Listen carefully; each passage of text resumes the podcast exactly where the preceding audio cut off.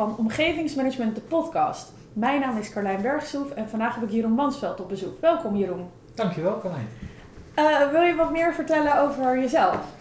Uh, nou, ik denk dat dat straks in het gesprek wel aan de orde komt. Maar uh, ja, ik ben Jeroen Mansveld, omgevingsmanager. Inmiddels meer dan tien jaar in het vak. En ik hoop hier wat nog te kunnen bijdragen. Nou ja, leuk. Hey, we zouden vandaag gaan hebben over project Krabbelplas. wat is dat voor project? Het project Krabbenpark is eigenlijk een, uh, was een tender die onlangs uh, in een, op de markt is gezet. En waar ik als omgevingsmanager uh, voor benaderd ben om in de tenderfase mee te doen, om een aanbieding te doen in de markt. En uiteindelijk hebben we dus de aanbieding ook gewonnen. Ja, leuk. En wie is dan de opdrachtgever van het Krabbenpark? De opdrachtgever is de gemeente Vlaardingen. Oké, en is het een woningbouwontwikkeling of is het een recreatiegebied? Nee, het, uh, het uh, Krabbenpark is eigenlijk een onderdeel van een, uh, van, ja, een park. Dus het is een recreatiegebied met veel water, veel bomen en recreatiemogelijkheden. Waaronder ook een evenemententerrein. En er moet in het park moet, diverse aanpassingen gedaan worden, waaronder een nieuw evenemententerrein. Maar ook een nieuwe inrichting, een verbetering eigenlijk van, van de huidige situatie. Oké, en uh, wanneer vond die tender plaats? Uh, eigenlijk de afgelopen twee maanden. Oké. Dus twee maanden geleden zat jij op een uh, mooie maandagmorgen achter je bureau en je krijgt de vraag: Goh, Jeroen, wil je een omgevingsplan schrijven voor het Krabbenpark? Um, waar start je dan? Of hoe, hoe vloog je dat aan? Nou, wat ik normaal doe, ik krijg dan de vraag en dan vraag ik eigenlijk altijd eerst alle contractstukken op. En het klopt, ik start achter mijn bureau, dus dan begin ik gewoon het contract uit te pluizen en te kijken ja, wat uh, staat in het contract, wat voor omgevingsmanagement van belang is. Het kan uh, over technische zaken gaan natuurlijk, maar ook al zaken over het voortraject die de opdrachtgever al meegeeft in het contract. En dan probeer ik aan de hand daarvan een inventarisatie te maken en een goed beeld te vormen van wat eigenlijk de vraag is en waar ik zelf nog vragen over heb. Want eigenlijk is dat de volgende stap in zo'n tenderfase verduidelijking vragen of uh, ja, zaken die niet smart zijn, toch uh, neer te leggen bij je opdrachtgever, de uitvrager, om, om daar ja, een beter beeldkader te krijgen, zodat je ook de volgende stappen in die tenderfase gewoon goed kan oppakken. En, en kan je daar bijvoorbeeld een voorbeeld van geven? Ja, diverse type contractvormen, maar laten we dat contract dan specifiek van uh, Krabbenpark pakken. Dan uh, heb je de VS, uh, VS0, VS1, VS2. Nou, ik hoef niet iedereen uit te leggen wat het is, maar die ga ik dan eigenlijk uitpluizen. Mm. En ik hou dan uh, aan de hand van Excel-bestand bij wat voor mij van belang zijn de info is. En waar ik ook echt wat in die tender mee moet.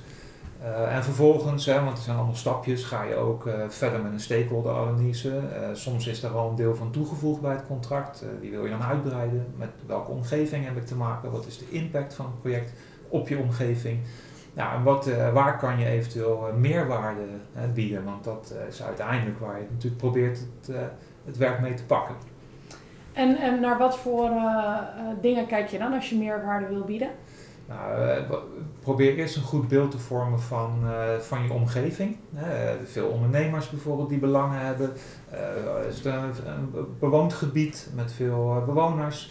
Um, ja, zijn er belangengroepen, uh, natuurwaardes. Nou, er zijn diverse aspecten. Ik ga niet specifiek hier op in detail.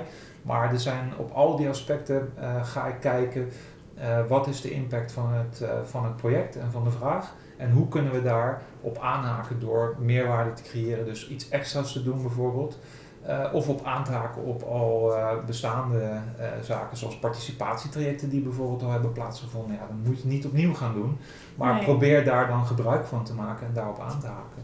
Dus het is natuurlijk altijd maatwerk, dus ik kan niet specifiek zeggen van ja, het is een, een bepaalde aanpak, maar de basis is denk ik wel gewoon het contract begrijpen. Dus ja. wat is nu echt de vraag? Daar de, nog extra helderheid in krijgen door de vragen die niet duidelijk zijn te stellen tijdens de inlichtingenronde.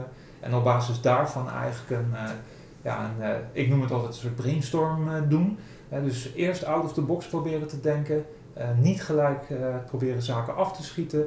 Maar pas op een later, iets later moment, als je een goed beeld hebt, echt naar de maatregelen gaan kijken. Want soms zijn de dingen die je in het begin bedenkt, aan het einde nog helemaal niet zo, niet zo gek. Als je het project wat beter kent. Ja. Hey, en want je zei net van, nou, ik begin inderdaad achter eh, mijn bureau. Dat impliceert bij mij dat je later achter je bureau vandaan gaat. Ga je dan ook nog het gebied in? Zeker, zeker. Want uiteindelijk, uh, als je op locatie bent, krijg je een heel ander beeld van wat je vaak leest uh, op papier. En daar komen ook vaak hele goede ideeën uit, of juist beperkingen. dus nadat het contract is gelezen, heb ik een bepaald beeld en dan ga ik ook naar buiten. Want dan wil ik ook zien uh, met wat voor omgeving te maken heb en waar de kansen ook liggen uh, echt in praktijk. Ja, en buiten de nota van inlichtingen uh, kun je natuurlijk geen contact hebben met de opdrachtgever om, om vragen te stellen. Maar andere stakeholders, die kan je natuurlijk in principe wel benaderen. Ja. Heb je dat voor Krabbenpark ook gedaan? Jazeker. Ehm, in het gebied Krabbenpark zit ook een, een ondernemer, Jovo aan de Plas. nou, ideale locatie om daar bijvoorbeeld bijeenkomsten te organiseren of uh, samenwerking uh, proberen uh, te creëren. Dus daar hebben we contact mee opgenomen, zeker, om te kijken wat voor, we voor elkaar tijdens de uitvoering van het project kunnen betekenen. het is wel grappig, want we hebben 3 mei de, de kick-off bij uh, Jovo aan de Plas. Ah, leuk, leuk, leuk, leuk. En is dat dan een locatie die dan bijvoorbeeld ook slechter bereikbaar wordt tijdens de werkzaamheden? Uh, in algemene zin niet. Er zijn periodes dat ze slechter bereikbaar zijn, maar daar hebben wij dus ook op gescoord met uh, maatregelen die wij uh, hebben aangeboden. door bijvoorbeeld ehm, ja, extra terras te vergroten. Ja, nu is dat natuurlijk even lastig met corona. Gelukkig ja. is, gaat het nu langzaam richting weer een normale samenleving. Dus ik hoop dat we tegen die tijd weer op het terras kunnen zitten. Uh, maar uh, sowieso uh, bijvoorbeeld voor informatievoorzieningen, dat mensen die ook um, het gebruik maken van het park, recreëren in het park, ook informatie op kunnen halen, maar bijvoorbeeld ook een gratis koffie kunnen, oh, leuk. kunnen krijgen. Dat soort zaken, daar gaan we dan nog wel nadere afspraken met elkaar over maken. Het is natuurlijk allemaal mooie ideeën die je in het begin hebt, maar ja. er moet natuurlijk ook wel uiteindelijk ook tot een, een goede afspraak komen. Dus dan gaan we de in, uh, in mei mee, mee starten. Dat is ja, hartstikke leuk. leuk. Ja, hey, en uh, je stipt nu corona aan. Um, maakt corona voor jou, heeft dat nog invloed op de manier waarop je je uh, tenderfase inricht? Zijn er dingen anders daardoor? nou, wat ik vooral merk, en dat is dan niet zozeer zeg maar de aanbieding die je dan doet, maar het proces tot de aanbieding. Normaal gesproken ga je met elkaar in een kamer zitten en een dynamisch proces ontstaat er om te komen tot een goede aanbieding. Uh, nou, proberen we dat natuurlijk nog steeds. Zeker één keer in de week, maar het is toch anders. Je, je ja, die energie is wat lastiger dan, hè? Om, uh, om los te krijgen in een teamsoverleg. Precies, dus als je met elkaar in een teamsoverleg zit, zie je die energie niet zo goed. Nee. Uh, dus wij spraken nog wel regelmatig met elkaar af. Uh, maar dat was altijd beperkt natuurlijk. Uh, ja. Eigenlijk zou je met het hele team of misschien nog wel met wat adviseurs erbij uh, bij elkaar willen komen om het gesprek te voeren. ja, dat hebben we, da daar merk je aan dat dat toch wel in deze situatie anders gaat. en meer energie kost om tot ja. een goed, goed product te komen. En gezien je ervaring aan opdrachtnemerszijde, heb jij nog tips voor opdrachtgevers? Hoe ze hun contracten kunnen verbeteren, hoe ze het makkelijker kunnen maken? Um, of aantrekkelijker? Ja, wat, waar ik eigenlijk het verhaal ook mee begon, het is altijd maatwerk. Uh, dus als je een contract leest, dan heb je altijd achteraf dit had beter gekund. Uh, ik zie nu wel steeds meer dat uh, vooral de, uh, de, risico's zeg maar, die in een project zitten, dat is natuurlijk al een hele tijd, ja, vooral in de markt gezet worden om te beheersen. soms zijn de risico's die in de markt gezet worden dermate dat het ook lastig is om te beheersen. En dan ben ik iets uh, wat vaag in, maar dat komt, het kan zowel op tijd, uh, met tijd te maken hebben, mm-hmm. maar ook met geld. Uh, en soms is een van die aspecten gewoon onvoldoende om goed de risico's te beheersen. Terwijl men dat lijkt wel te beseffen voordat het contract op de markt komt. Aan beide kanten speelt dit. Ja. en dat maakt het soms ook wel lastig om een goede aanbieding te doen. Misschien helpt het als je een concreet voorbeeld hebt, om het wat tastbaarder te maken. Uh, nou, als er onvoldoende informatie met een contract wordt meegegeven, dan uh, is het heel lastig om ook een goede aanbieding te doen. Vaak is het hoe concreter de vraag, hoe, hoe beter de aanbieding en hoe goedkoper ook vaak. Mhm. Dus eh, dan gaat het vooral over informatievoorziening. Ik denk dat het vooral belangrijk is eh, om open te zijn, ook tijdens inlichtingronden, om de verwachtingen goed te managen met elkaar. Dus ik denk dat het vooral in het managen van verwachtingen zit. Stel een, eh, een eh, startende omgevingsmanager luistert naar eh, deze podcast. Wat zou je die dan willen meegeven als het gaat om tenderen en het schrijven van omgevingsplannen?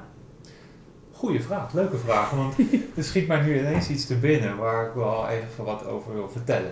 Eh, net hadden we het over de verwachtingen. En ik Ja. denk dat als ik een tip mag meegeven aan startende omgevingsmanagers in tenders, probeer echt de vraag achter de vraag eh, ja, te herleiden en te zien wat, wat wil de opdrachtgever nou echt. En eh, probeer erop aan te haken, want wat ik de laatste keer met een tender heb meegemaakt en ja, achteraf eh, vond ik het eigenlijk wel grappig ook. Ja. Maar ja, wel, gaf mij wel in ieder geval een goede tip om daar op een andere manier in het vervolg mee om te gaan. Eh, ik had hele goede ervaringen opgedaan met een eh, maatregel op een ander project. Het inzet zeg maar, van, eh, van acteurs op een project eh, om reizigersstromen te begeleiden. Daar hebben we een hele goede ervaring opgedaan, positieve waardering Dus opgekregen. wacht even, hoe zie ik dat dan voor me? Dit was dan specifiek, waren dat acteurs verkleed als conducteur op een station om reizigers te begeleiden tijdens de wijziging van, van loopstromen.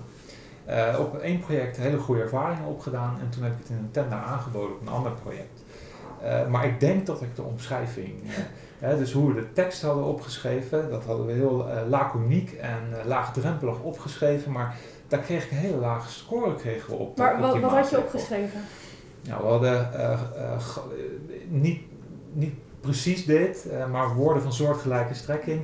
Grappig eh, verklede acteurs die eh, reizigers begeleiden in hun nieuwe loopstroom.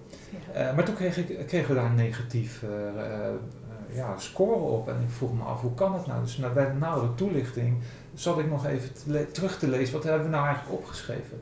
En ik kan me voorstellen dat als je als, als conducteur eh, mee beoordeelt en je leest dat stukje tekst, dat dat misschien iets te, ja, denigerend wil ik niet zeggen, maar eh, ja, niet heel professioneel overkwam. Niet heel Het was niet bedoeld zeg maar, om het eh, eh, ja, heel denigerend neer te zeggen of als grapje toe te passen. Het is echt een serieus maatregel, wat ook echt effect oplevert.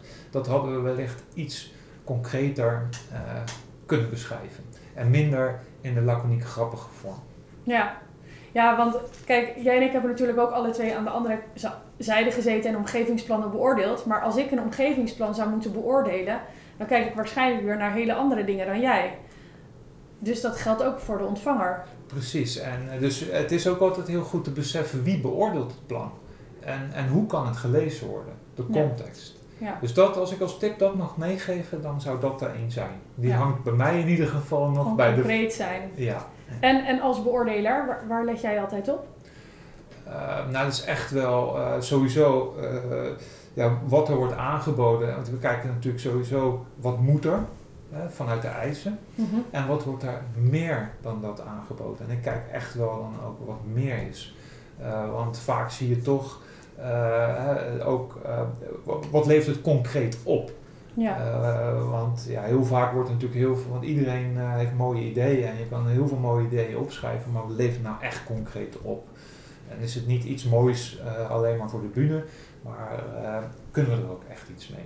Ja, ja, want ik heb ook plannen gezien waarbij dan in het omgevingsplan dingen werden opgeschreven die eigenlijk gewoon al contracteis waren. Ja. Eh, dan vind ik het niet echt meerwaarde. Dat is geen meerwaarde. Nee, nee, nee, nee, nee, ja, Nee. letterlijk. Ja. Niks. Nee, je moet echt, eh, bij Krabbenpark bijvoorbeeld, daar hebben we gewoon echt gezegd, we gaan drie eh, parcours uitzetten. Die bieden we ook aan, zeg maar, aan de omgeving, waaruit ze een keuze kunnen maken om tijdelijk bijvoorbeeld een hindernisbaan toe te passen. Oh, leuk. totaal helemaal buiten wat gevraagd is, Ja. maar helemaal out of the box denken. Hoe kunnen we omgeving ook op een andere manier betrekken binnen het project? En is dat dan om te zorgen dat ze toch nog een vorm van recreatie hebben, Ja. terwijl eh, er... eh, Ja, dat je gewoon gebruik kan, kan blijven maken van het park. Want Ja, uiteindelijk zeker, omdat we in een periode zitten ook eh, van, van ja, einde zomer.